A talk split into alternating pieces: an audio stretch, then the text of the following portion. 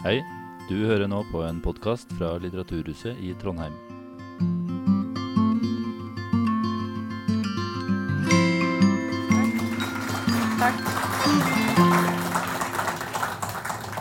Tus, tusen takk för for introduksjonen. Og jeg må også si hjertelig velkommen til eh, deg, Joanna. Nå har du allerede fått en liten presentation presentasjon. og du er her jo i dag for å snakke om én bok, en stor bok. Eh, men jag tänkte allra först att si bitte litt, lite mer kort om vem eh, du är.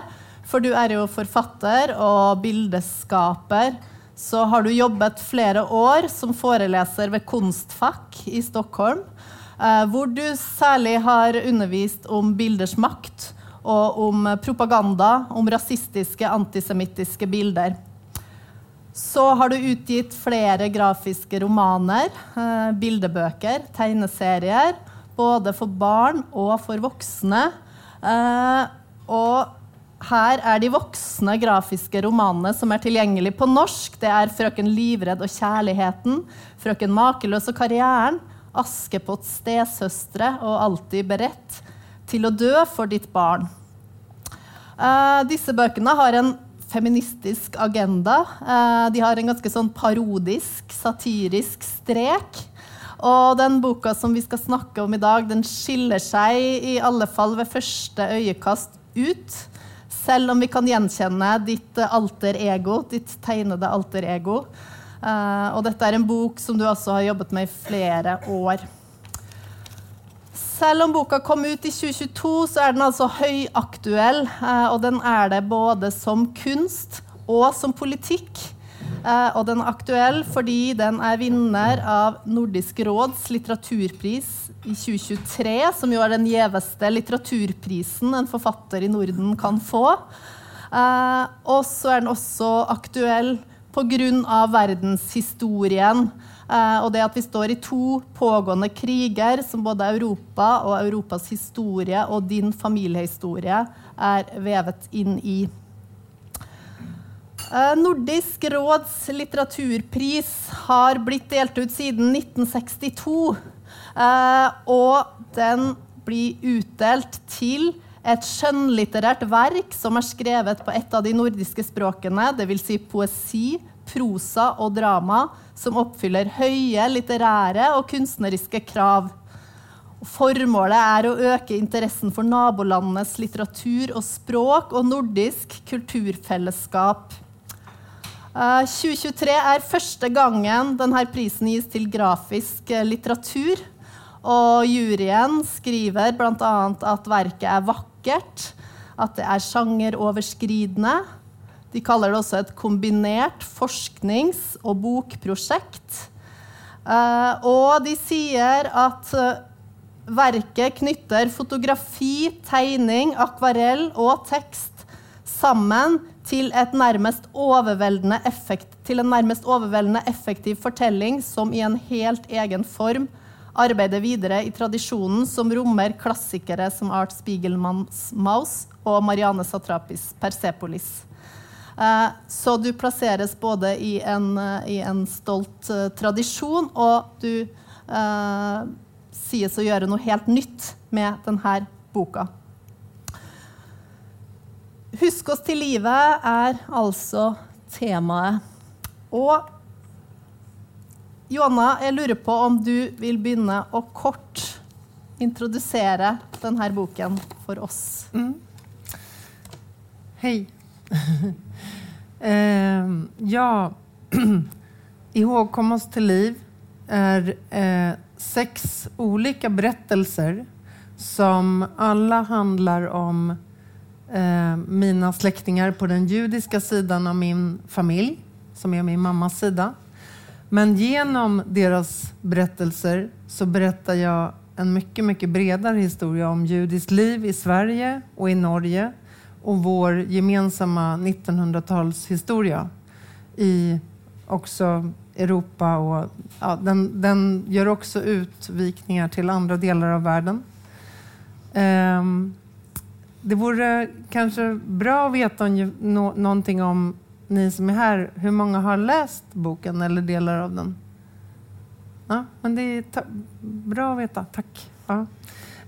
um, ja, och det är ju då en tecknad eh, roman, vilket betyder att, eller en serieroman kan man kalla det för också, men den blandar text och bild, vilket är mitt eh, språk kan man säga, sen jag gav ut den första boken som jag gjorde tillsammans med en vän. Den hette Arg, 90-talets argaste bok. Och den eh, gjorde jag när jag var 19 år. Och den gav ut, gavs ut som en barnbok, men i själva verket så var det faktiskt en bok för alla åldrar. Och det här att använda både bild och ord, det eh, gör ju också, att, tänker jag, att man kan tala eh, till människor på flera olika plan samtidigt. Eh, eftersom bilden är väldigt direkt medan texten är någonting som vi behöver liksom, eh, läsa igenom. Eh, och det tar lite mer tid att ta in text och vi förstår den på lite annorlunda sätt än bilder. Mm. Mm. Du har jo den her, Vi skal snakke litt om nettopp det her, for det jo noe av det som er Jeg er selv litteraturviter, og noe av det som er spennende med boka, er jo nettopp den her formen og måten du bruker både tekst og bilde på en veldig kompleks måte i å skrive fram de her fortellingene. Uh, boken er viktig, og den er også den er, uh, veldig tung. Eh, både fysisk og i, i mm. overført forstand. Jeg prøvde å lese den både på senga og i badekaret. Det var litt, eh, litt vanskelig.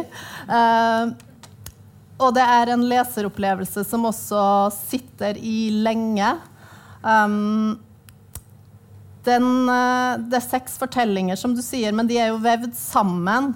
Eh, både av att det är en sån fortellerstemme, uh, så är det ditt ditt liksom alter ego som berättar som, som, går igenom. Så det är både, både en tecknad berättarstämma eh, och en berättarstämma i skrift. Um, det är enormt mycket kunnskap i denne boka. Du har et stort kildemateriale. Mm. Um, og jeg lurer på om du kan fortelle litt om hvordan du har jobba med det her. Mm. Uh, fra kilder til till den här färdiga, mm. det färdiga verket? Um, det här är min första bok som jag har gjort med 28 sidor eh, källhänvisningar. eh, och mina tidigare tecknade vuxenromaner för alltså, de som du visade här, eh, de har handlat mycket om att gestalta det som finns, men som kanske inte alltid syns. Att gestalta hur världen känns eh, och hur, eh, hur olika starka känslor kan se ut, som till exempel prestationsångest, eh, förälskelse, eh, rädsla, eh, utanförskap och så vidare. Medan den här boken eh, ju gestaltar eh, historia. Någonting som verkligen har hänt. Och det är en helt annorlunda eh, och ny sak för mig att göra en sån bok. Men där jag också blandar det, där det också vävs ihop med min upplevelse av det som eh, har hänt. Där jag kan vara också eh, gestalta hur saker känns igen då. Men det som det, allt det här började med, det var att jag eh, var professor i illustration på Konstfack i tio år och under de tio åren så hade jag inte tid att börja ett nytt jättestort eget projekt därför att det var så stressigt. Men när jag slutade där, 2018 blev det, Eh, då fanns det plötsligt igen tid att tänka att jag skulle göra någonting nytt. Eh, och då hade jag sedan jag var tonåring egentligen haft ett intresse för just den judiska sidan av min släkt som då är mammas sida och de berättelser som fanns kring det. Eh, och det hade flera orsaker varför jag var intresserad av de här berättelserna. Eh, men vi hade också i vår familj, eller har, ett, ett stort källmaterial som handlar om min mormors föräldrar som kom ifrån Bialystok som eh, låg i det som man kan kalla för Jiddischland i, eh, i nuvarande, vad blir det?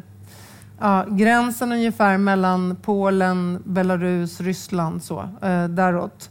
Eh, eh, Bialystok, där rådde det eh, våldsamma pogromer. Eh, och min mormors pappa Aron och hans fru Rebecka, de kom till Sverige, till Göteborg i Sverige 1906. Eh, och eh, flyttade snart ut på Hindå som ligger tre mil utanför Göteborg och var så här ett... Eh, precis då när de flyttar dit så håller Hindås på att bli som Västsveriges Åre.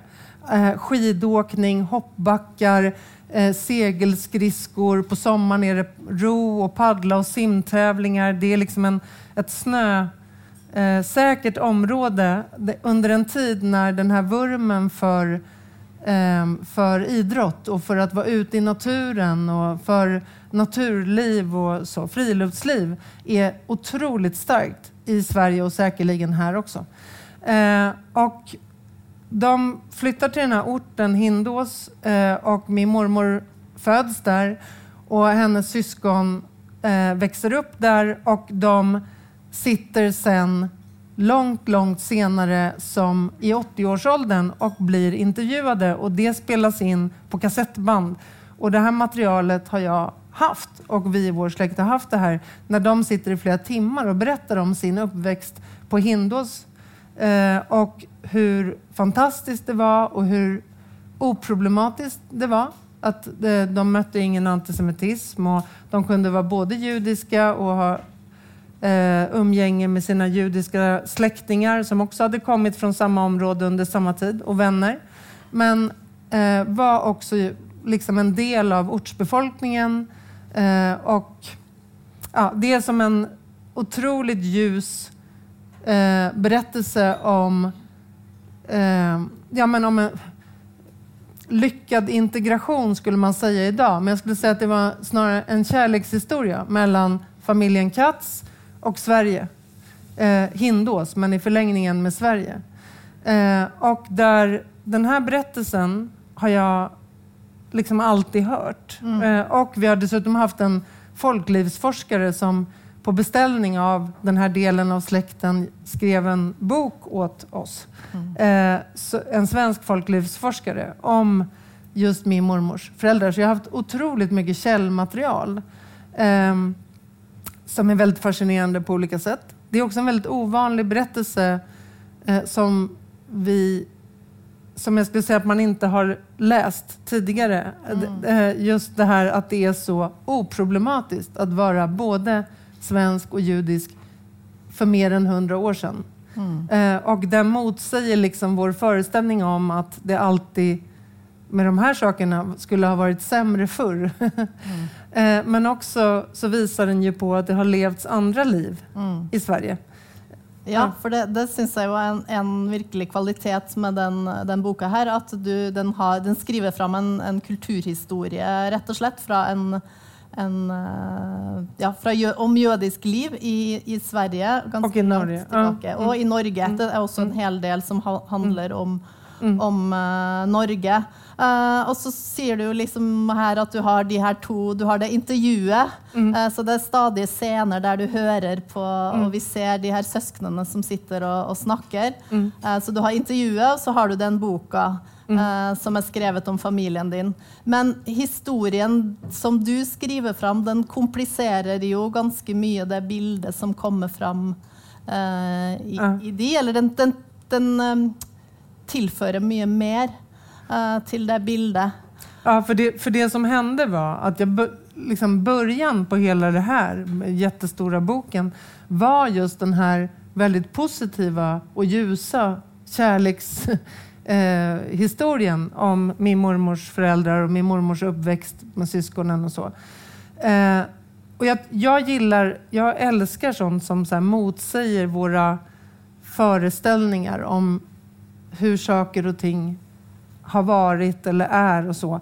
Som liksom gör, jag vet inte, som, eh, ja, men som inte som motsäger våra fördomar om saker. Och det här materialet är ju verkligen ett sånt material eh, som visar på sånt som vi som de flesta nog aldrig har tänkt. Jaha, kunde det vara så här då? Liksom.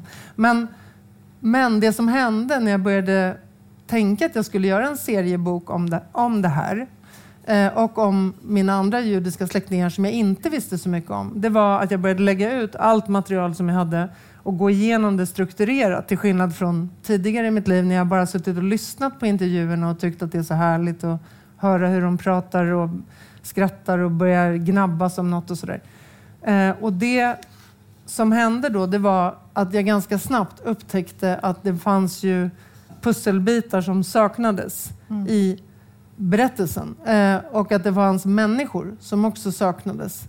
Eh, och jag förstår, jag börjar liksom dra i alla trådar jag kan och höra av mig till alla släktingar som lever för att fråga den här personen som jag nu ser in, eller hör in, nämns vid ett tillfälle. Vem var det och vad tog, vet ni något om det? Och, ja, och då blir det liksom tydligare och tydligare att det finns en massa, massa saker som den här väldigt ljusa berättelsen, den är sann. Därför att det finns ju alla de här olika personerna som bekräftar den.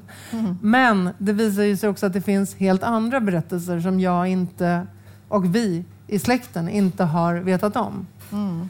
Eh, och då, det här leder mig sen in på massor med olika spår. Mm. Och eh, där jag upptäcker en rad saker som gör mig otroligt chockerad över vad vi inte har vetat och över vad jag själv inte har undrat eller frågat. Eller... Mm.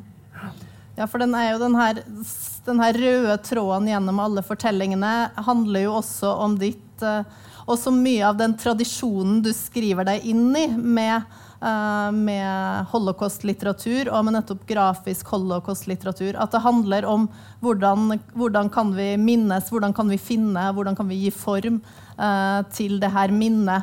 Så ditt arbete går som en röd tråd genom, uh, eh, genom hela, hela boken och är en av dens verkligt stora styrkor, vill jag säga. För exempel och så på det bildet här så får vi se hur du graver upp, du, för du graver ju upp en, en räcka helt sån konkret på loft och, mm. och brev, fotografier, uh, familjealbum som inte har varit uh, sett dagens så. lys på många, ja. många år. Ja, som ingen visste att de fanns. Nej, men, och, och saken är den att boken heter ju Ihågkom oss till liv. Uh, och jag tänker att det är också viktigt att säga det att när jag börjar det här, den här boken så vet ju inte jag överhuvudtaget att vi har några kopplingar själva till förintelsen i vår släkt. Vi har pratat om förintelsen som att eh, det är någonting som hade kunnat hända och som tyskarna hade invaderat Sverige. Eh, det vi hade kunnat drabbas för att vi har den här judiska sidan i, i familjen.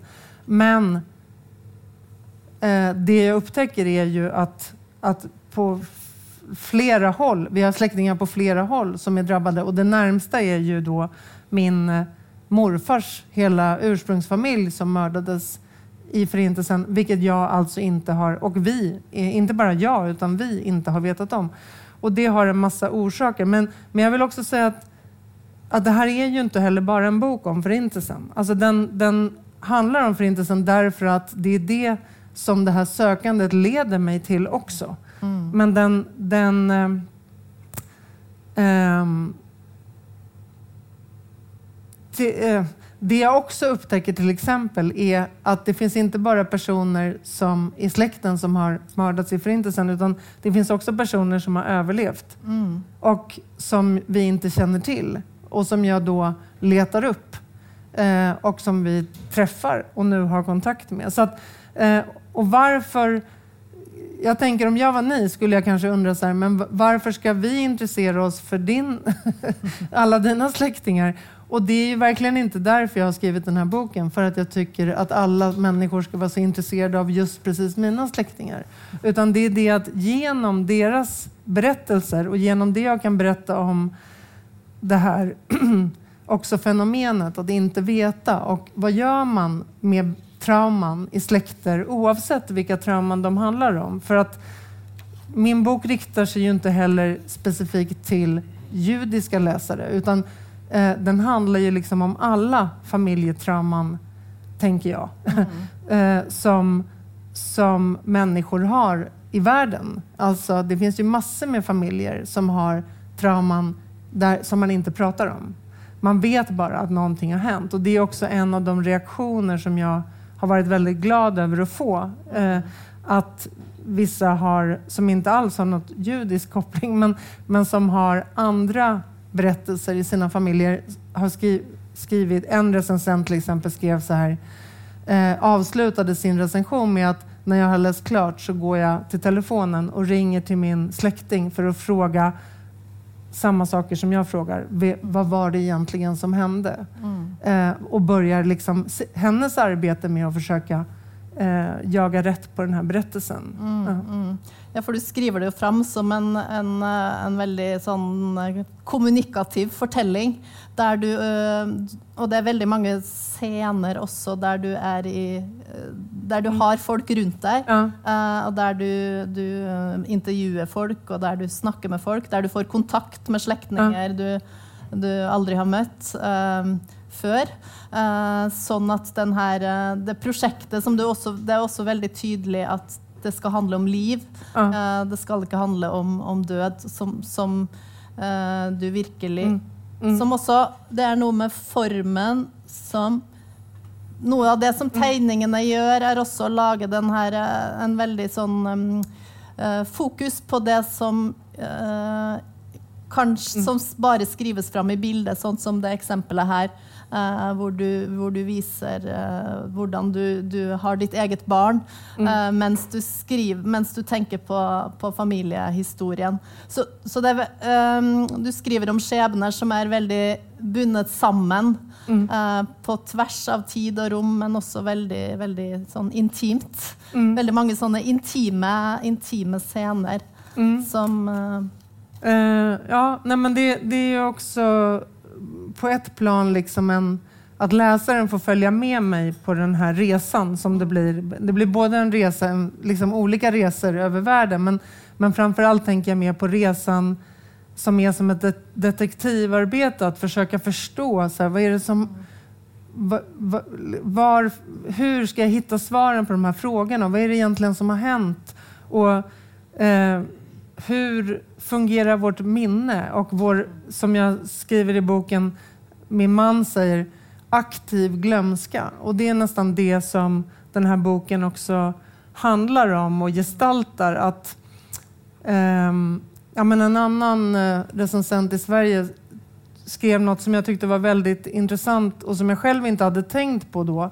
Men att hans Maus av Art Spiegelman, det är ju då en grafisk roman eh, som förändrade också hela seriemediet därför att det var den första grafiska roman som visade att man kan berätta om någonting som är djupt komplext och oerhört tungt i serieform och att det fungerade på ett så fantastiskt sätt. Man blir otroligt drabbad när man läser Maus eh, på så många olika plan. Eh, och den boken har undertiteln En överlevandes berättelse. Och den här boken, vilket var det den här recensenten skrev, den är nästan motsatsen på så sätt att det är berättelsen om när det inte finns någon som kan berätta. Mm. Eh, och det är det den, hela boken egentligen handlar om också. Ett, en slags eh, sökande efter och jakt på svaren. Mm, mm. Ja, du, og du skriver jo også da, fra, til forskjell fra Maus, som jo handler om en som har vokst opp med en holocaust-overlevende uh, far. Uh, som, som, jødisk uh, immigrant, eller han har vokst opp i USA, i, i New York. Mm. Uh, og så skriver han hvor han intervjuer sin far, så han får denne førstehåndsberetningen. Mens den posisjonen som du står i, och din familjehistoria den handlar om holocaust från ett tredje generations perspektiv. Eh, uh, och där är det uh, en forsker eh, som, litteraturforskare som har varit upptagen av detta tredje generations perspektivet som har sagt at i tredje generasjon så jobber man nettopp med uh, fragmenter. Mm. Det fins ikke lenger en, en uh, hel fortelling. Mm. Er, det er spor som har Den har brutt sammen fortellingen. Mm. Um, og så tenker jeg at det stemmer i stor grad i din bok, fordi det er veldig mange mm. fragmenter som du jobber med. Mange, ja, alle de her sporene vi har mm. snakket om, bildene og fotografiene, dokumentene som, som du finner. Uh, samtidig så syns jeg jo du også skriver fram ganske ferdige uh, biografier og mm. Mm. fortellinger. Um, og litt av det, måten du gjør det på, tenker jeg at i deler av fortellingen så er det ganske mye tekst. Mm. Um, jag ville bara... Ja, um, precis. Att texten är den också som får, vad ska man säga, vara sådär saklig och mm. eh, redogörande och detaljrik mm. ofta. Mm. mm. Ja, for har, det er en scene her som jeg syns Jeg syns det er mange partier som har en, en uh, som har en sånn varme og humor, selv om, om temaet uh, til, til, tross for at temaet da handler om å skrive om holocaust, og skrive også om det her traumet og mørket. Uh, og uh, i den siste fortellingen så er det en sånn sentral scene. Det er en scene som går igjen, en samtale mellom fortelleren, Joanna, og, og Joanna sin mann, O. Um, og teksten den lyder det, Som da sitter og, og, snakker om det her bokprosjektet. Uh, og teksten lyder da i min dårlig, dårlig leste svensk. Två år senere börjar jeg langsomt nærme meg slutet på denne berettelsen. Jeg har arbeidet med boken i flere år og hele tiden opplevd at det jeg vil berette, er livsviktig. At det finnes så mange paralleller til vår egen tid. Men samtidig hender det at tvilet begrenser meg. Nej, besegrar mig. Mm. Ingen kommer att vilja orka läsa den här boken. Och så säger då Joanna uh, att det blir inte tillräckligt bra. Alla personer och namn och årstal och datum står i vägen för att andra ska kunna bli berörda. Uh, ingen kommer att orka läsa. Jag orkar ju knappt läsa det själv. Mm. Och så beroliger uh, mannen, mannen till Joanna då, dig med att Eh, når man leser litteratur, så vil man jo at boken skal ha en nerve. Eh, at man får følelsen av at det er noe som står på spill for forfatteren. Eh, og så sier han 'din bok har nerv'. Den er jo bare nerv. og, og, her tenker jeg at han peker på det som som, um, som, jeg tenker kanskje er, er en, uh, en, balansegang som du har jobbet med. Mm. Den her mellom historieskriving, mm. som er ganske full av tekst, mm. men som er uh, historisk korrekt, og som, som mm. får fram et historiekunnskap. Uh, og det å fokusere på hva bildene mm. kan fortelle, og hva diktningen kan fortelle. Mm. Så hva tenker du selv om de partiene som har veldig mye tekst? Har du Uh, ja, nej men... Uh, jag tänker så många saker. uh, nej men till exempel så var det ju så att det var inte bara det att jag gjorde jättemycket research om mina släktingar och insåg att jag inte hade vetat olika saker och blev otroligt upprörd över det och att vi inte har vetat. Utan det var också så att jag gjorde otroligt mycket research om vad hände i Sverige eh, före andra världskriget? Vad hände under kriget? Eh, vad hände i Norge? Vad hände på alla de här platserna som jag upptäcker att det fanns släktingar på? Och så vidare. Och varje bok som jag läste ledde till tio nya böcker. Mm. Och jag blev så otroligt upprörd över eh, allt som jag hittade. Eh, och allt som jag inte hade känt till. Och jag tyckte när jag började med det här så trodde jag att jag visste ganska mycket om andra världskriget och Sverige och sådär. Eh, men jag upptäckte ju när jag höll på med det här att jag inte alls gjorde det. Och jag förstod att det var så att jag inte är exceptionellt obildad. Mm. utan, att, utan att det här var någonting som de flesta människor inte har känt till. Alltså alla de här olika detaljerna kan man kalla det för, men det är ju inga detaljer. Utan liksom jättemycket olika skeenden. Politiska beslut, vad som skrevs i medier, hur opinionen såg ut, hur påbudet från eh, svenska staten såg ut om att man, vad man inte fick skriva om och så vidare. Eh, vad, olika ageranden som Sverige på olika nivåer gjorde när Norge ockuperades och så vidare. Eh, och jag, jag kände ju liksom när jag höll på med den här researchen att jag eh, tyckte att det var otroligt viktigt att kunna berätta om det här på ett sätt så att många människor vill läsa om det. Mm. Därför att det har så väldigt mycket paralleller till vår egen tid. Mm. Eh, för det är också så att hade det här materialet bara handlat om eh, Eh, det här hände i vår historia, då hade inte jag varit så särskilt angelägen om att jag måste absolut ägna fyra år åt att försöka göra den här boken så att folk vill läsa den. Utan det är ju just alla de här parallellerna till vår egen tid. Och att eh, och eh, en annan eh, tidning skrev när boken hade kommit ut, en svensk tidning skrev raseriet finns i detaljerna. Och jag tänker verkligen att det var sant och det var liksom rätt uppfattat.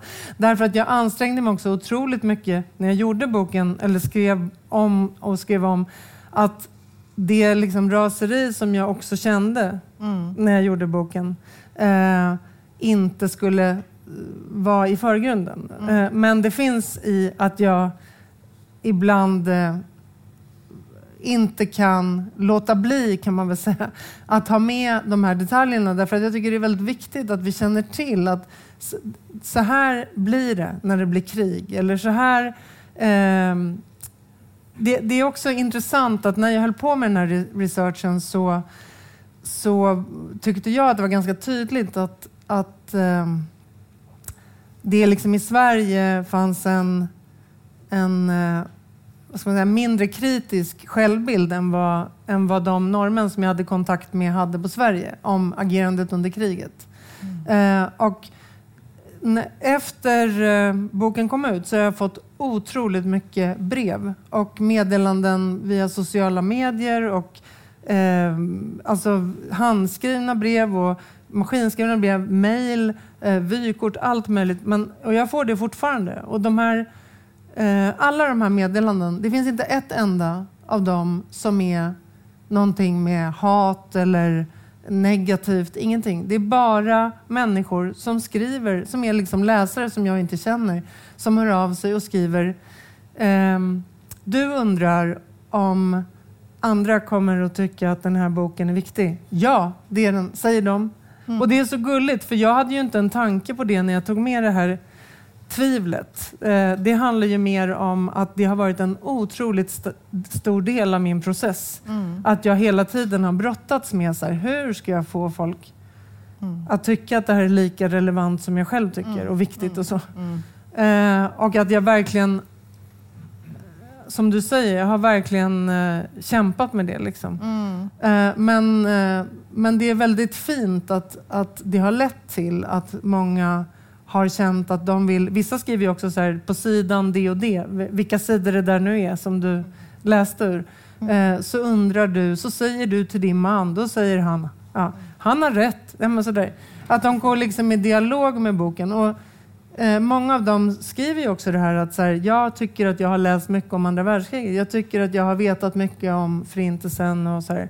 Men nu förstår jag att jag inte har vetat lika så mycket. Och det här handlar ju om också att, eh, att all den kunskap som nu finns tillgänglig, den fanns ju inte när jag gick i skolan. Men det är också det att det är en ständig eh, omförhandling som pågår mm. om de här frågorna. Mm. Om, eh, och där det också är annorlunda, tänker jag, när man blandar upp eh, historia mm. och fakta om politi svensk politik eller norsk politik och euro europeisk politik med verkliga människors livsöden. Mm.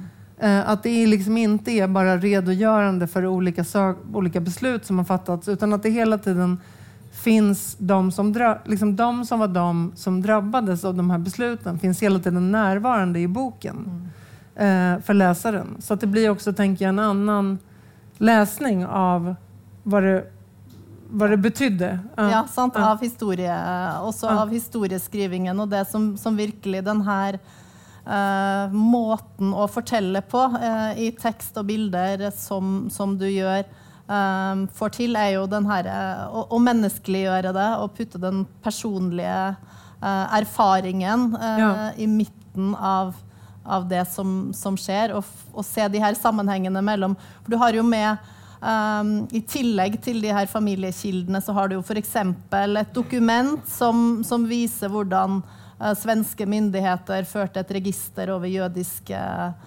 uh, innbyggere i Sverige, uh, både under og, og etter krigen.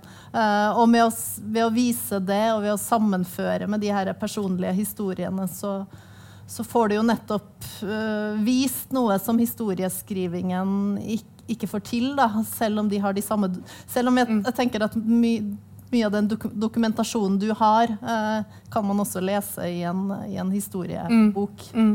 Eh, men her, her, blir det just, uh, just det registret som jag har fotografier av i boken, det är ju inte svenska staten utan det var nazister som, som registrerade svenska judar mm. under kriget. Uh, och um, det registret hittades jag tror att det var det som hittades 1987 först. Så det hittades jättesent. Då heter det Lisellska registret. Men, och då har jag med foton av de registerkorten som var då jag hörde av mig till de som idag förvaltar det här registret och sa, kan, kan ni, därför att jag också har kontakt med dem, för jag föreläser för dem och så vidare. Och då sa jag, kan ni titta om min, de här namnen som är mina släktingar, om de fanns med i det här registret? Mm. Men också då konstnären Lotte Laserstein som jag också skriver om i mm. boken. Mm. mm. Ja, og den historien om, om Lotte Laserstein, den, den syns jeg vi skal Selv om det ikke er så mange her som har lest den, så syns jeg vi kan si, gå litt inn, inn, i den. For den eh, Der tenker jeg at det kommer veldig godt fram det her. Hva vil det si å være vevd inn i historien? Um, och jag lurer på om du kanske kunde läsa lite från starten på den historien. För historien om så jag bara väldigt kort kan si det eh, själva boken den börjar eh, med eh, en historia om min moster Susanne och Lotte Laserstein. Och där skriver du fram en, ett minne om, om din tante, och det är ett porträtt av tanten din som, uh. som du skriver om. Den finns ju med bland bilderna. Och den finns med bland bilderna, så nu ska Någonstans. jag trycka det fram. Någonstans. Uh. Vill du titta här? Vi se. Ja. Ah, där är den. Där är den. Mm. Ah, så du måste, måste... Där var den va? Eller där ja. Där är den. Ah. Där är den. Eh, så tänkte du här och här? Eller? Eh, mm. Ja, mm. här. Eh... Mm. Hemma hos mina morföräldrar på Skeppargatan 75 hängde ett porträtt av min moster Susanne som sjuåring. Jag har alltid älskat den där målningen, flickan med de långa bruna flätorna och de allvarliga ögonen. Sen jag var liten har jag identifierat mig med Susanne hon var inte bara min moster utan också min vuxenvän och beskyddare. När jag var förtvivlad och kände mig övergiven var det Susanne som kröp in under sängen och tröstade mig. På vissa fotografier är Susanne och jag så lika att jag knappt kan se om det är hon eller jag. Och sen är det en, ja den här ser ju inte dem. Som, för, men det är ett foto här i alla fall som jag har ritat av på min moster Susanne. Och så är det jag när jag var liten och sen står det här Susanne, men det ser ut som jag som vuxen. Jag som barn i Susannes knä. Mm. Och så uh, är det ett porträtt av, av Susanne, som, och det går igen. Det, det möter vi flera städer uh, mm. i, i, boken. Och, uh, den här första delen den forteller om två människor. Det är din moster Susanne Uh, og så er det uh, kunstneren som har malt portrettet av din moster, uh, som heter Lotte Laserstein. Um, hun er en, en, nær slektning av deg som du har den her personlige som jeg, Og jeg leser begge to som noen slags sånn muser i, i din fortelling. Mm. Og uh, de er begge en kvinne som du, du sto veldig nær, og en kvinne som, uh, som tilhører mer den, den, kollektive, offisielle historien som her veves sammen. Så vil du si litt om hvorfor du begynte akkurat hvorfor disse to personene og, og deres plass mm. i historien? Alltså, när jag gjorde den här boken så visste jag inte medan jag höll på med den hur många berättelser det skulle bli. Eh, och jag visste inte vilken ordning ska de här berättelserna vara. Utan ordningen var någonting som blev klart först väldigt sent i, i arbetet.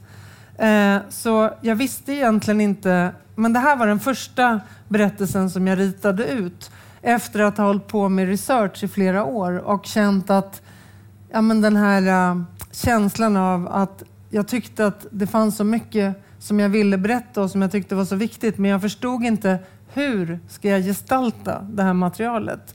Mm. Uh, och när jag till slut lyckades göra just den här berättelsen som då var den första som jag fick ur mig, så var det så otroligt tillfredsställande att, att se att det gick att gestalta det. Mm. Uh, och i, redan i den berättelsen så blandas också till exempel ett foto av en väldigt eh, viktig målning av den här konstnären Lotte Laserstein. Och lo, det är väldigt roligt för att Lotte Laserstein var en tysk konstnär som blev tvungen att fly från Nazityskland. Hon identifierade sig inte alls som judisk överhuvudtaget, annat än att nazisterna gjorde det. Eh, och hon hamnade av en slump kan man säga, hon fick en, eh, i Stockholm och i Sverige och levde sen i Sverige hela sitt långa liv som konstnär eh, och målade hela livet. Men blev liksom aldrig känd i Sverige. När hon är 97 år eller någonting sånt så kommer en gallerist ifrån London för att intervjua henne om en helt annan konstnär som de tänker ha en utställning med i London. Men när de kommer in i hennes hem i Kalmar som är fullt av alla hennes målningar så säger de bara nej, vi måste göra en utställning med dig och inte bara en utställning därför att det var så mycket verk. För att i Sverige så har hon aldrig blivit uppskattad för sin konst. Hon har fått försörja sig med att göra just porträtt på, på barn och så vidare och blommor och sådär. Eh, men den här galleristen från London säger vi gör en dubbelutställning med alla verk Eh, på, inte alla kanske, men må väldigt många verk. Nästan allting såldes. Eh, hon var själv där eh, och fick ju liksom verkligen en upprättelse kan man säga innan hon dog.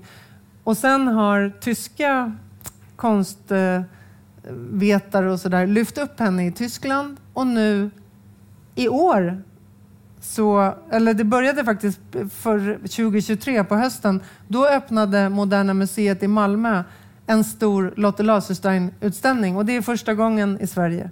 Och nu visas den utställningen på Moderna Museet i Stockholm, just precis nu. Mm. Men hon har ju verkligen inte varit liksom, vad ska man säga, ordentligt inskriven i svensk konsthistoria förrän nu och liksom upplyft från det här anonyma flykting tillvaron, om man ska säga. Mm.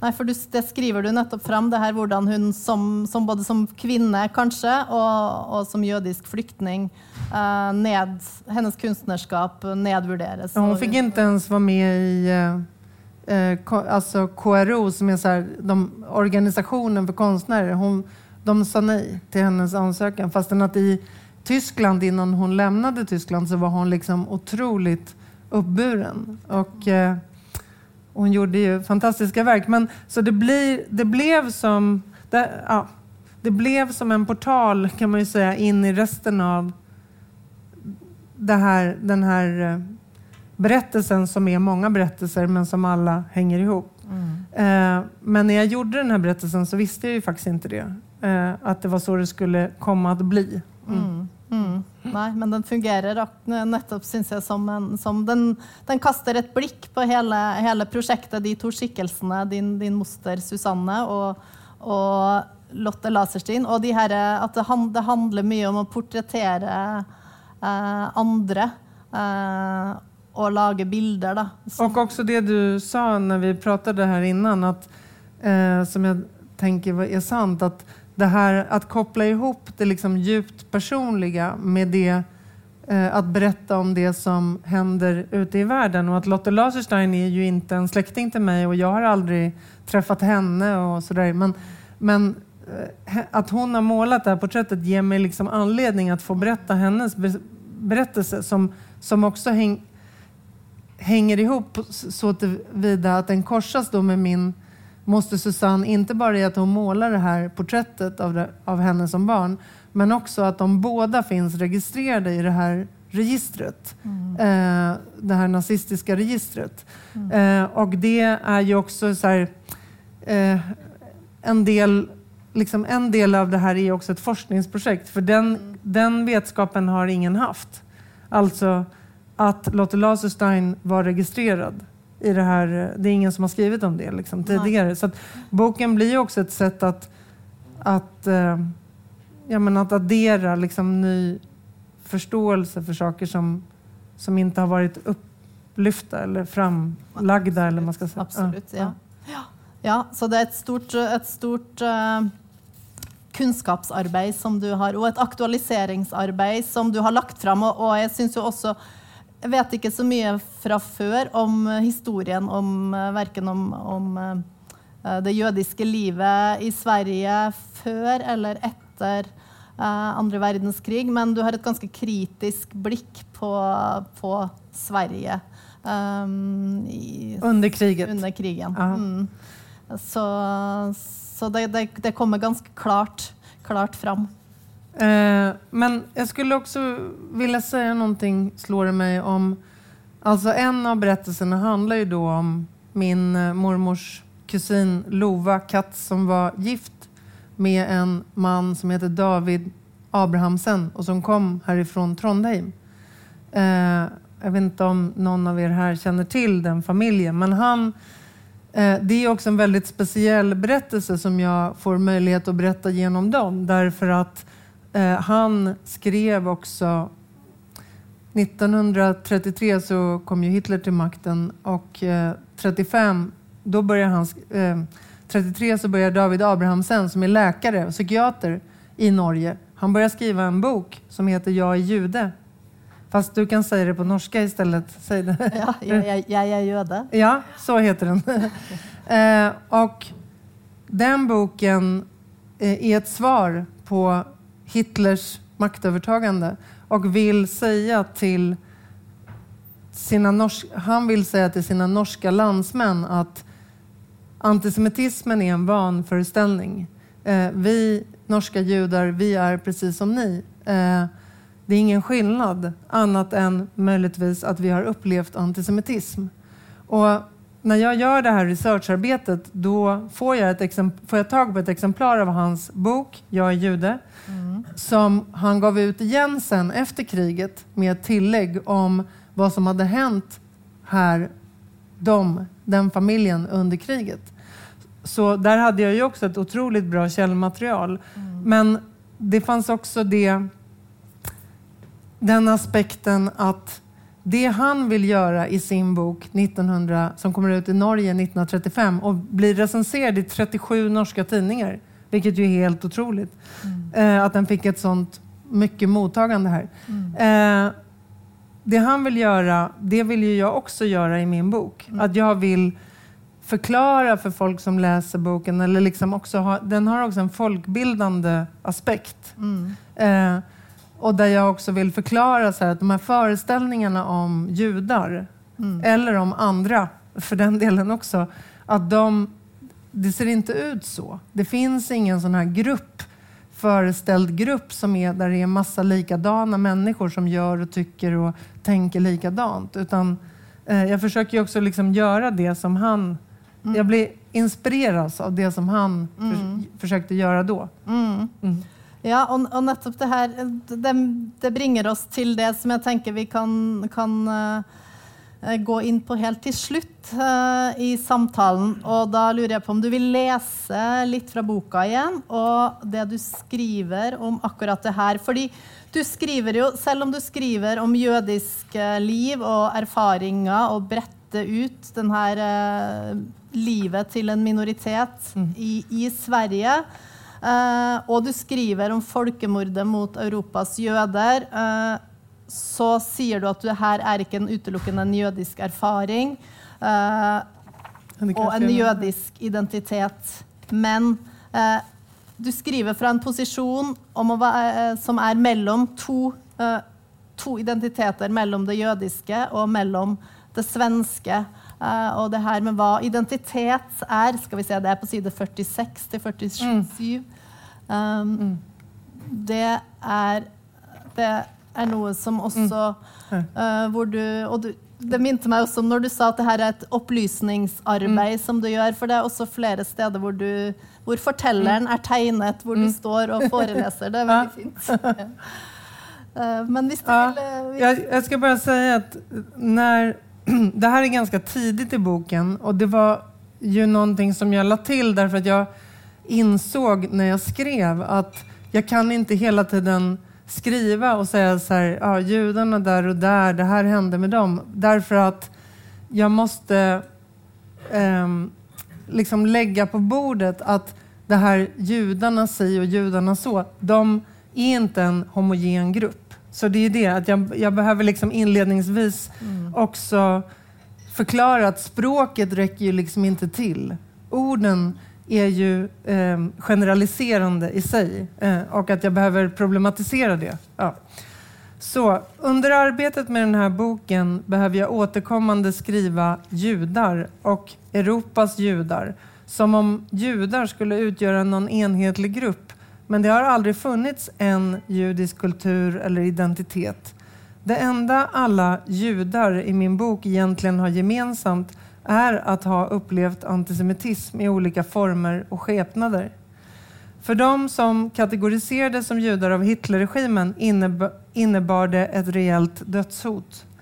De var alla individer med helt olika liv, åsikter, livsförhållanden, traditioner, åskådningar, politiska och religiösa övertygelser, språk och förutsättningar. Många var varken religiösa eller, eller höll på några som helst judiska traditioner. Ytterligare andra hade redan i tidigare generationer konverterat till kristendomen, som till exempel Lotte Laserstein, då, som jag just nämnde. Inte heller bland de som själva identifierade sig som judar fanns det någon som helst homogenitet. De var religiösa, icke-religiösa, mot sionism, för sionism, fattiga, rika, medelklass och allt däremellan. De var från landsbygden, från storstäderna, från vitt skilda länder och talade olika språk. De var alla unika människor. De där andra man så lätt ser framför sig som prydligt kan sorteras in i en låda av många snarlika som är på ett visst sätt, de finns inte. Kategoriseringar som judar, muslimer, kristna eller svarta innebär lika lite homogenitet som kategoriseringen vita. Det finns inte en judisk identitet. Och att vara judisk står inte i något motsatsförhållande till att vara till exempel norsk, polsk, tysk eller svensk. Till skillnad från boxar kan identiteter vara hur rymliga som helst. Och sen är det då en, en, en bild där jag står bland en massa eh, påhittade boxar som egentligen inte finns med de här kategorierna på. Ja. Det jeg ville spørre deg om helt til slutt, eh, det var eh, Du, en, eh, du, fikk, du var på prisutdelinga i Operaen i Oslo eh, og mottok Nordisk råds litteraturpris. Og da holdt du en utrolig fin og kortfatta, eh, rørende tale der du sier at det, aller, det som betyr aller mest med å få denne prisen, det er at du får den akkurat nå. Eh, kan du si litt hva, hva mente du med det? Ja, först ska jag säga att det var ju så att ingen visste under själva prisutdelningen vem som skulle få priset. Eh, och det var 14 böcker nominerade, så det var 93 procent sannolikhet att jag inte skulle få det. Så det var otroligt chockerande att jag fick det. Eh, och som tur var så hade de ju då sagt till alla 14 att vi skulle förbereda ett 60 sekunder eh, tal. Så det var därför det var väldigt kortfattat. men det var kanske lika bra det, att det var det. Nej men eh, det var ju det att det här priset delades ut, jag kommer inte ihåg om det var kanske 23 oktober eller någonting sånt. Eh, och det var ju då eh, några veckor efter att den här attacken hade hänt i Israel eh, den 7 oktober. Eh, och dagen efter, då började den som eh, vi kan kalla för en digital pogrom som har drabbat eh, judar världen över. Eh, där eh, det blev, alltså det, den antisemitismen som jag har sett sedan 7 oktober, den trodde jag aldrig att jag skulle behöva uppleva eller se. Eh, så det var ju helt chockerande. Eh, och det handlar om liksom allt ifrån att eh, det ligger ett brödrecept med så här judiskt bröd på en, eh, ute på Instagram och då är det liksom 20 000 eh, hatfulla kommentarer om, om judar under det. Alltså det är helt vansinnigt. Det, det har aldrig... Eh, ja, strax efter så var jag på en eh, forskningskonferens om antisemitism i Stockholm. Och det var forskare från Tyskland och andra länder där och de var ju helt chockerade. De var, en av dem var i, i liksom tårar eh, för hon var så chockerad. Eh, nej men så det... Vad jag förstår så är det så att, att beslutet att den här boken skulle få priset var fattat långt före den här datumet, 7 oktober. Men det är klart att det betyder otroligt mycket att den här boken... Eh, jag tyckte ju redan innan hösten 2023 att, att det här var väl otroligt viktiga frågor som vi just har pratat om. Att jag tyckte det var så viktigt att, att folk ska förstå de här sakerna som jag skriver om. Också det här som vi kan känna igen då i vår egen tid som sagt och så. Eh, och det blev ju inte mindre liksom, angeläget eh, efter det här. Mm. Hva tror du boka di kan, eh, kan gjøre i den situasjonen som vi står i nå? Ja, det pendlar från, från eh, dag till dag. Ibland så... Eh, ibland så har jag varit väldigt hoppfull om vad boken kan göra. Men vissa dagar så har jag ju känt att ehm, ja, att det kanske är marginellt. Liksom. Men jag tror nog att sanningen är någonstans mitt emellan. Att eh, det kanske räcker om liksom vissa eh, kan, bli, förstår någonting mer. Alla kanske inte... Liksom, ja, det är väl inte antingen eller helt enkelt. Utan den kan väl göra sitt, dra sitt strå till stacken förhoppningsvis. Mm. Og med det så vil jeg på det varmeste anbefale alle her å, å se hva man eh, kan få av innsikt eh, og, og opplevelse av denne historien ved å lese, lese din bok. Um, og så skal vi runde av, men hvis det er noen i salen som har spørsmål, så tar vi gjerne imot eh, det Jag, jag skulle vilja lägga till en sak eh, och det är att jag vill eh, framhålla att det kan låta som när man pratar om boken att så här, jaha, det handlar bara om förintelsen och om antisemitism. Men så är det inte alls faktiskt. Utan det handlar också om kärlek och ljus och hopp och eh, ja. Absolutt. ja. Viktig. Mm. Og hvordan det her henger, henger sammen. Ja, och hur det hänger samman. Mm. Ja. Tusen takk. Tack, tack för att ni kom. Tack. tack. Og så så jeg en eh, hånd der, eh, der borte. Så Ja, jeg kommer med mikk. Eh, Før det stilles spørsmål, så vil jeg bare si at eh, arrangementet tas opp. Sånn at hvis man er litt i tvil om man vil snakke, så vet folk det.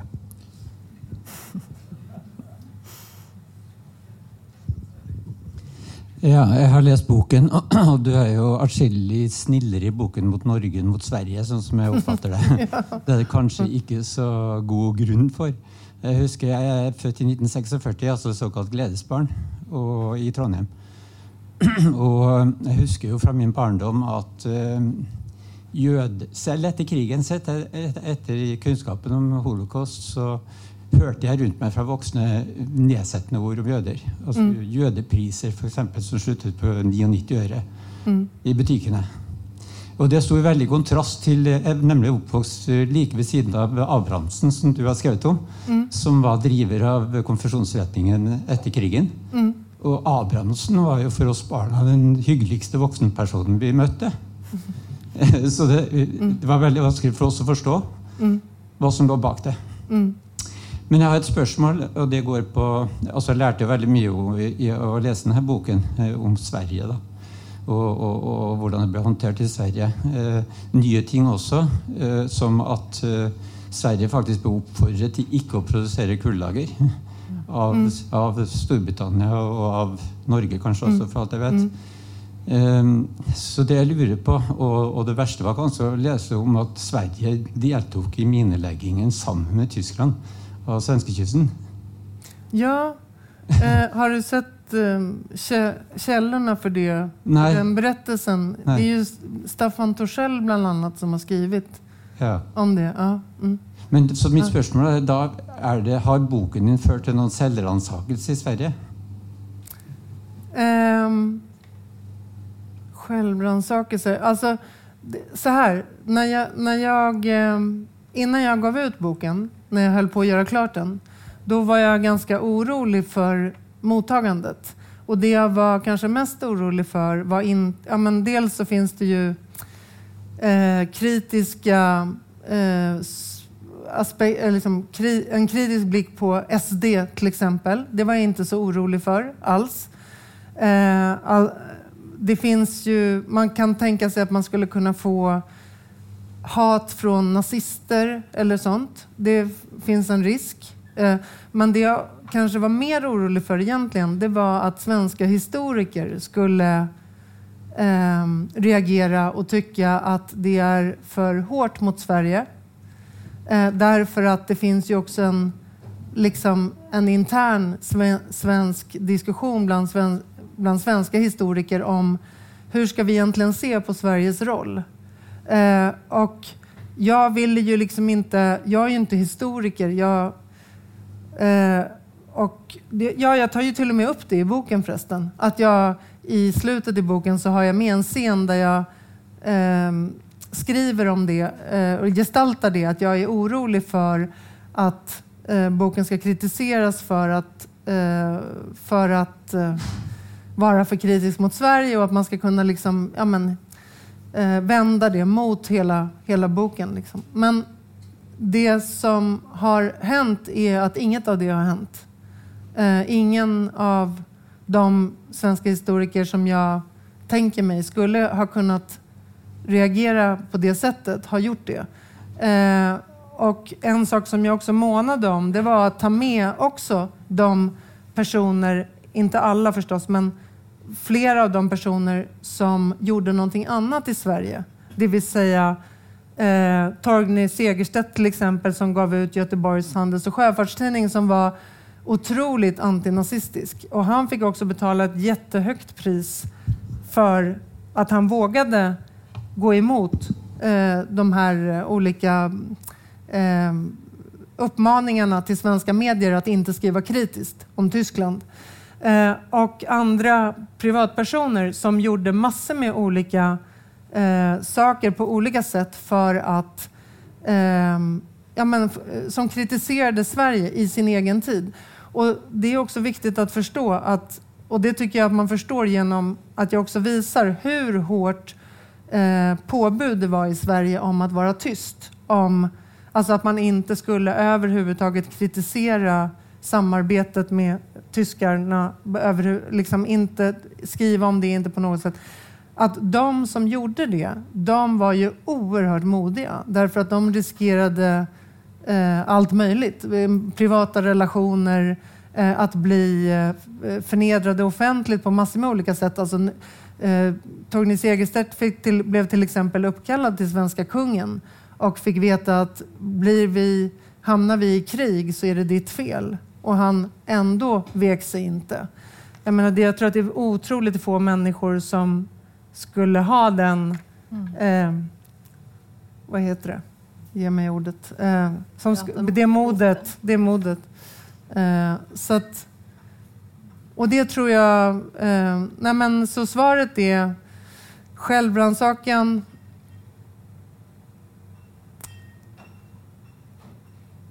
Ja, jag vet inte. Alltså, jag tycker att det är, eh, jag tycker att det är liksom fint och intressant att, att, att det inte har blivit ett aktivt motstånd alls mot, mot det jag berättar i boken. Ingen har liksom protesterat offentligt mot det. Sen kan man ju, vet jag inte vad folk tycker på kammaren. Men, ja.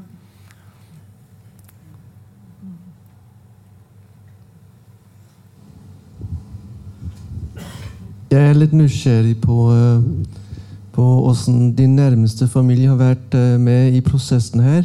Mm. Om de allesammans har varit positiva eller har de varit tänt av den samma ilden som du har varit tänt av i processen? Mm. Och vad, eh, vad har hänt efterpå när ni har fått lärt känna massor nya familjemedlemmar långt ute i familjen?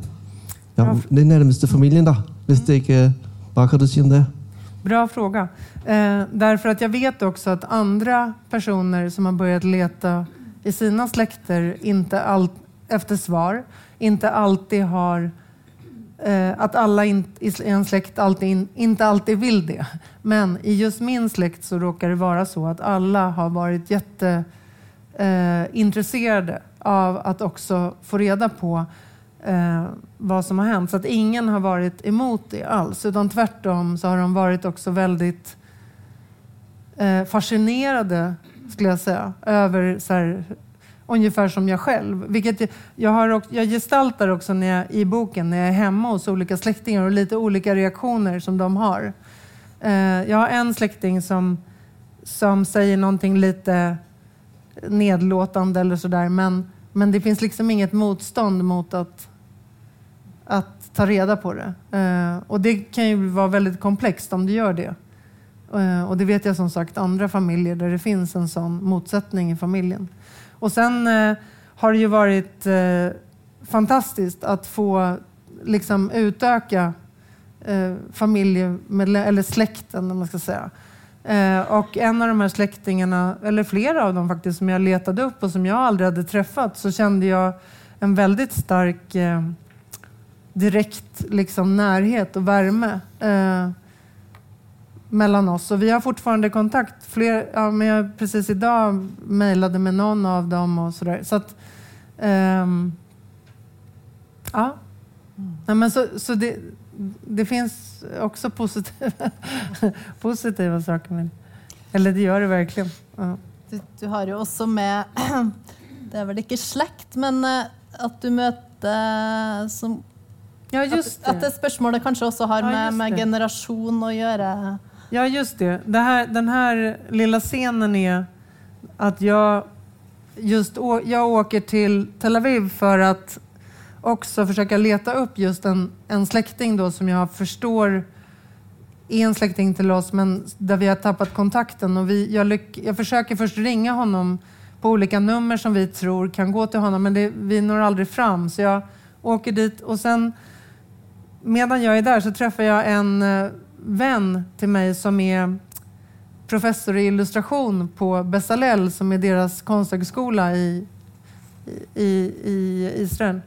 Och det är hon som är här på bilden och då berättar jag för henne om allt det här som jag har upptäckt. Och jag är väldigt chockerad och upprörd över så här, hur har vi inte kunnat veta och så. Och då säger hon det som hon säger där att eh, hon blir inte förvånad alls. Hon är så här, det, är inte, det är inte alls förvånande. Första generationen eh, sa ingenting. Andra generationen kände att de inte kunde fråga och nu försöker tredje generationen ta reda på vad som egentligen hände. Och så fort hon säger det så förstår jag att jag har suttit liksom i tre år i Stockholm i min, eh, på kammaren och hållit på med det här och varit liksom ensam i det. Men så fort hon säger det, då förstår jag att det finns folk över hela världen som gör det här eh, just precis nu. Och hon är ju i Israel där också Yad Vashem, som är Förintelsemuseet, ligger och där de har väldigt många dokument kring människor som lämnades in efter kriget eh, och som är en, en, en central plats för att söka information. Så att hon känner ju väl till det här, men jag som satt i Stockholm tänkte liksom att det var bara jag och vår familj då. Mm. Ja.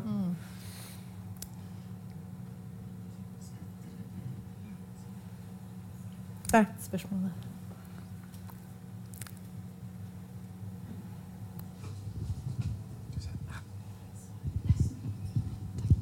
Eh, Hei.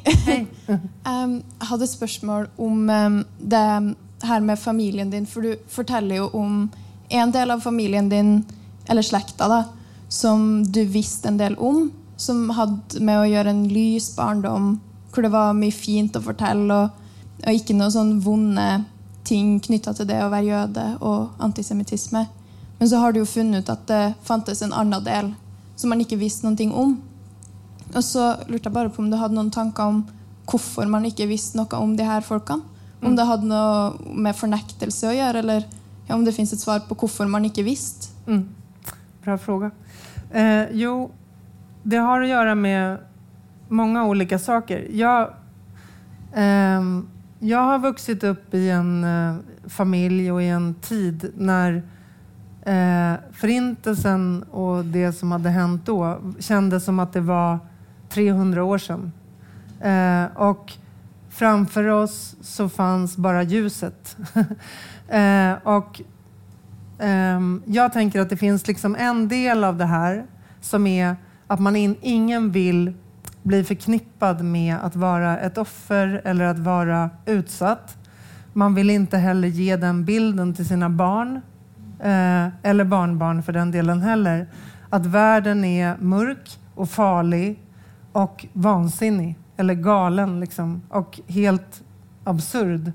Eh, så det är liksom en del av det. En annan del av det är också själva händelseförloppet historiskt. Och det är ju det att, att nazisterna hade ju som mål att dölja eh, massmorden av judar när de pågick. Det var ingenting som man gick ut och berättade för världen att man gjorde. Eh, och eh, idag efter att ha gjort den här boken så vet jag att min morfar i Stockholm, för han hade kommit till Stockholm som 20-åring och hade då kvar sin familj i det som nu är Belarus men som då var Polen. Eh, och att han försökte hela tiden innan kriget att hjälpa dem på alla möjliga sätt. Också att få familjemedlemmar att kunna komma till Sverige och saker hände, det gick inte. Han, hela tiden så pågår det liksom en konstant hjälpaktion till dem även innan kriget på olika sätt. Eh, som handlar om att skicka pengar och eh, att se om lillebror kan komma och så vidare.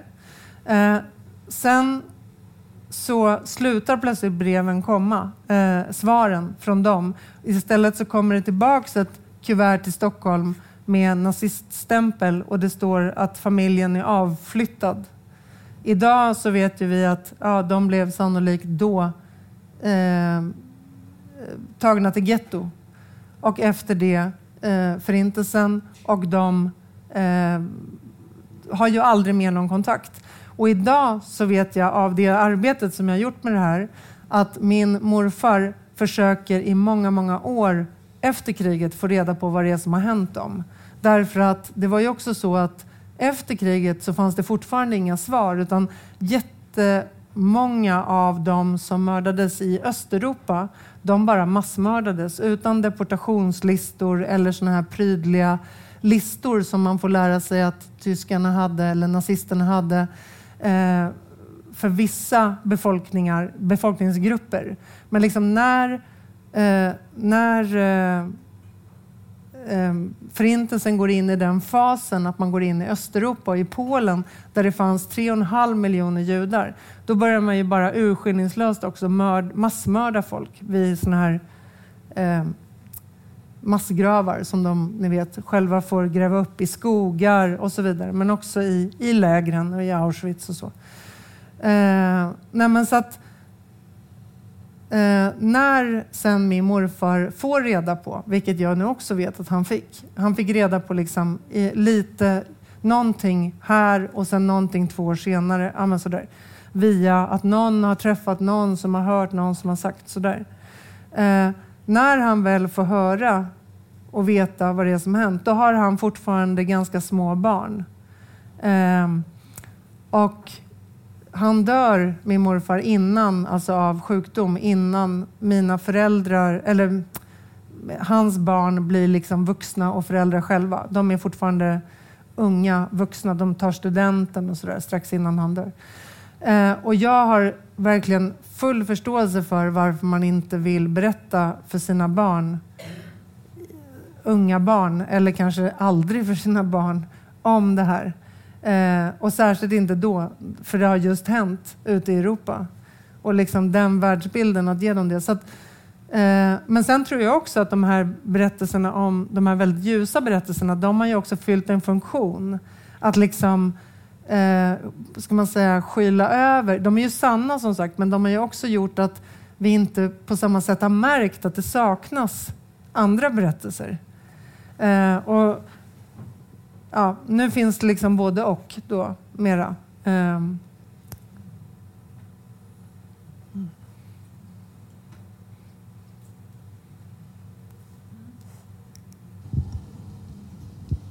Uh, tusen takk for en veldig tankevekkende samtale og veldig berörande berørende sluttord.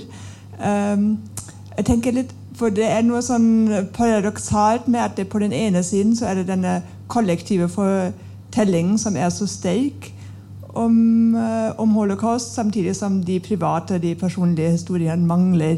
Og nå I helga så var Nora Krok her, og hun fortalte om uh, med en sånn tysk overgripererfaring og den tyske kollektive skylden. Mm. Hun sier akkurat det samme. Altså at man som, som tysker så har man bærer man på en sånn kollektiv mm. skyld, en forestilling om at vi alle har gjort noe galt, men uten at det egentlig går inn i det private og det personlige. Mm. Og um, sånn som vi, mm. uh, Den samtalen her, så, um, så sier du også at liksom den private fortellingen den har, den har manglet. Dere har liksom bare sett lyset, det som er framover, den lyse mm. framtida. Samtidig som fortellingen om holocaust hele tida har vært sånn veldig veldig sterk. Um, og så sier du samtidig, og det syns jeg er et så fint prosjekt, at um, du vil huske at det her handler jo også om liv. Mm. At det ikke bare er døden. Så mm. det er noen, sånn, det er noen sånn spenninger her. Ja. Jeg vet ikke om du ja. Jo, og den spenningen handlar... Jag vet inte om det är det du frågar efter eller, man ska säga, eller tar upp, men för mig så handlar det mycket om att, att, jag, Ehm, att jag också har vuxit upp med det här... Eh, eh jag, ja, men en slags... Att mörkret är farligt. Alltså, och jag har inte vetat att mörkret innehöll också förintelsen. Och jag vet inte om min mamma min mamma lever inte längre, men jag, vet inte, jag tror inte hon heller har förstått det på ett, på ett liksom konkret plan. Hon kanske nu, om hon levde nu och såg det här så skulle hon kanske säga, jag har väl alltid vetat kanske. Jag vet inte om hon skulle säga det. Vetat på något plan, men ändå inte vetat det. Men liksom hon, hennes strategi, tänker jag, har varit att vara så här 100% tillvänd ljuset. Så att för mig, och min moster, som vi pratade om här inledningsvis och som boken börjar med, hon tog livet av sig. Eh, och eh, det har också präglat, eh, tänker jag, min, min familj och min släkt och min mamma. Att mörkret är liksom dödligt. Så att därför måste man akta sig för mörkret. Och därför så finns också den dilemmat för mig Liksom att jag måste, jag har det här mörkret som jag känner, som, som ju faktiskt finns i de här andra böckerna också, fast de är galghumoristiska kanske man kan säga. För de handlar ju, alla mina böcker handlar liksom om Utom en som handlar om att vara glad. Alla andra handlar om så här, det som är svårt. Som att vara arg, att vara ledsen, att ha prestationsångest, att eh, eh, bli, eller vad ska man säga, lämna en relation. Alltså den, saker som för mig har varit också så här, jag måste skriva en hel bok om det för att jag har så svårt med det på något sätt. eh, och det och då, förut har jag ju kunnat göra det med en, någon slags galghumor. I det här materialet är det lite svårt liksom, att vara humoristisk på det sättet. Men däremot så tycker jag att det finns ett, ett ljus som handlar om närhet mm. i det här. Mm. Och kärlek. Liksom. Mm.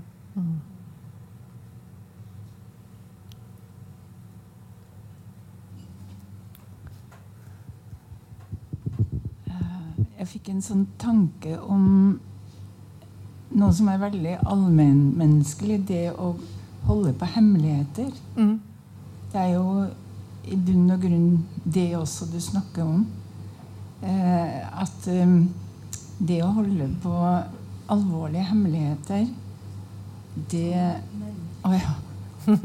Ok. Det påvirker alle, og at um, det sies at uh, hemmeligheter bør komme frem. Mm.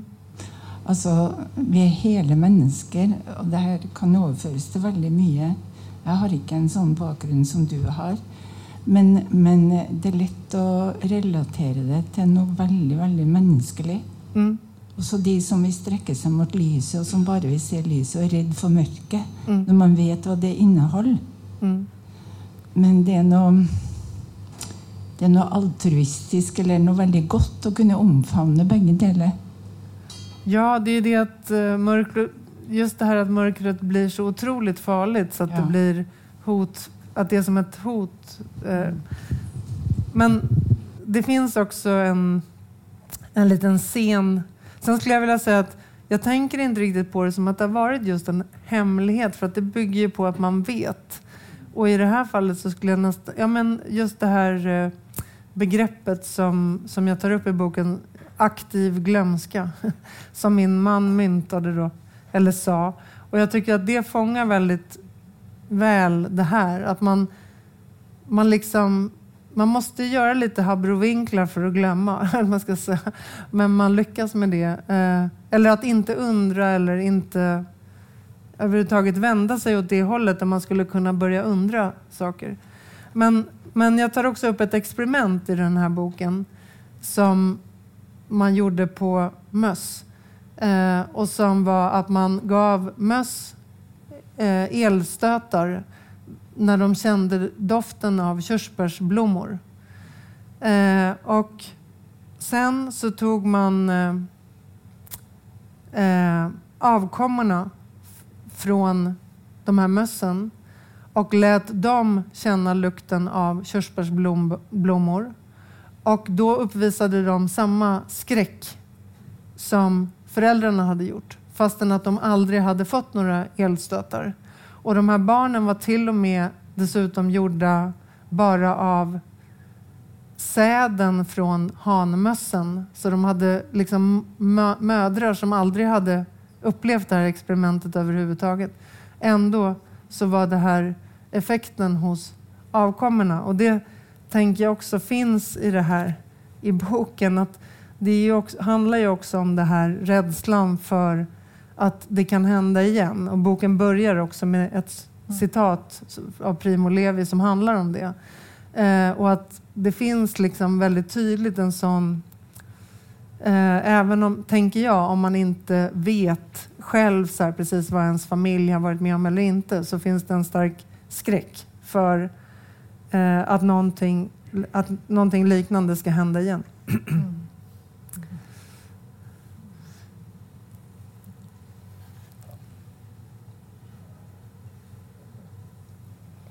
Ja. ja. det var inte en så bra avslutning känner jag. Um, Så vi måste säga någonting ljusare. Men jeg bare syns noe av det du sa om eh, Og jeg syns det var veldig gode spørsmål. Eh, Jeg, synes, jeg vil virkelig understreke noe av det du sa om nærheten og kjærligheten som, er, som gjennomsyrer virkelig hele boka. Eh, Och barnen och himlarna och Ja, naturen. naturen. Mm. Ja, så den har, eh, har virkelig mye, mye også lys i de mest mørke scenene. Mye omsorg, mye eh, Bra, Ja. vi slutade. Vi slutter der. Og så går det an å kjøpe boka eh, der borte. Så, så du läste den på Ja. svenska? Tack. Tusen takk. Tack. Tack. Tack.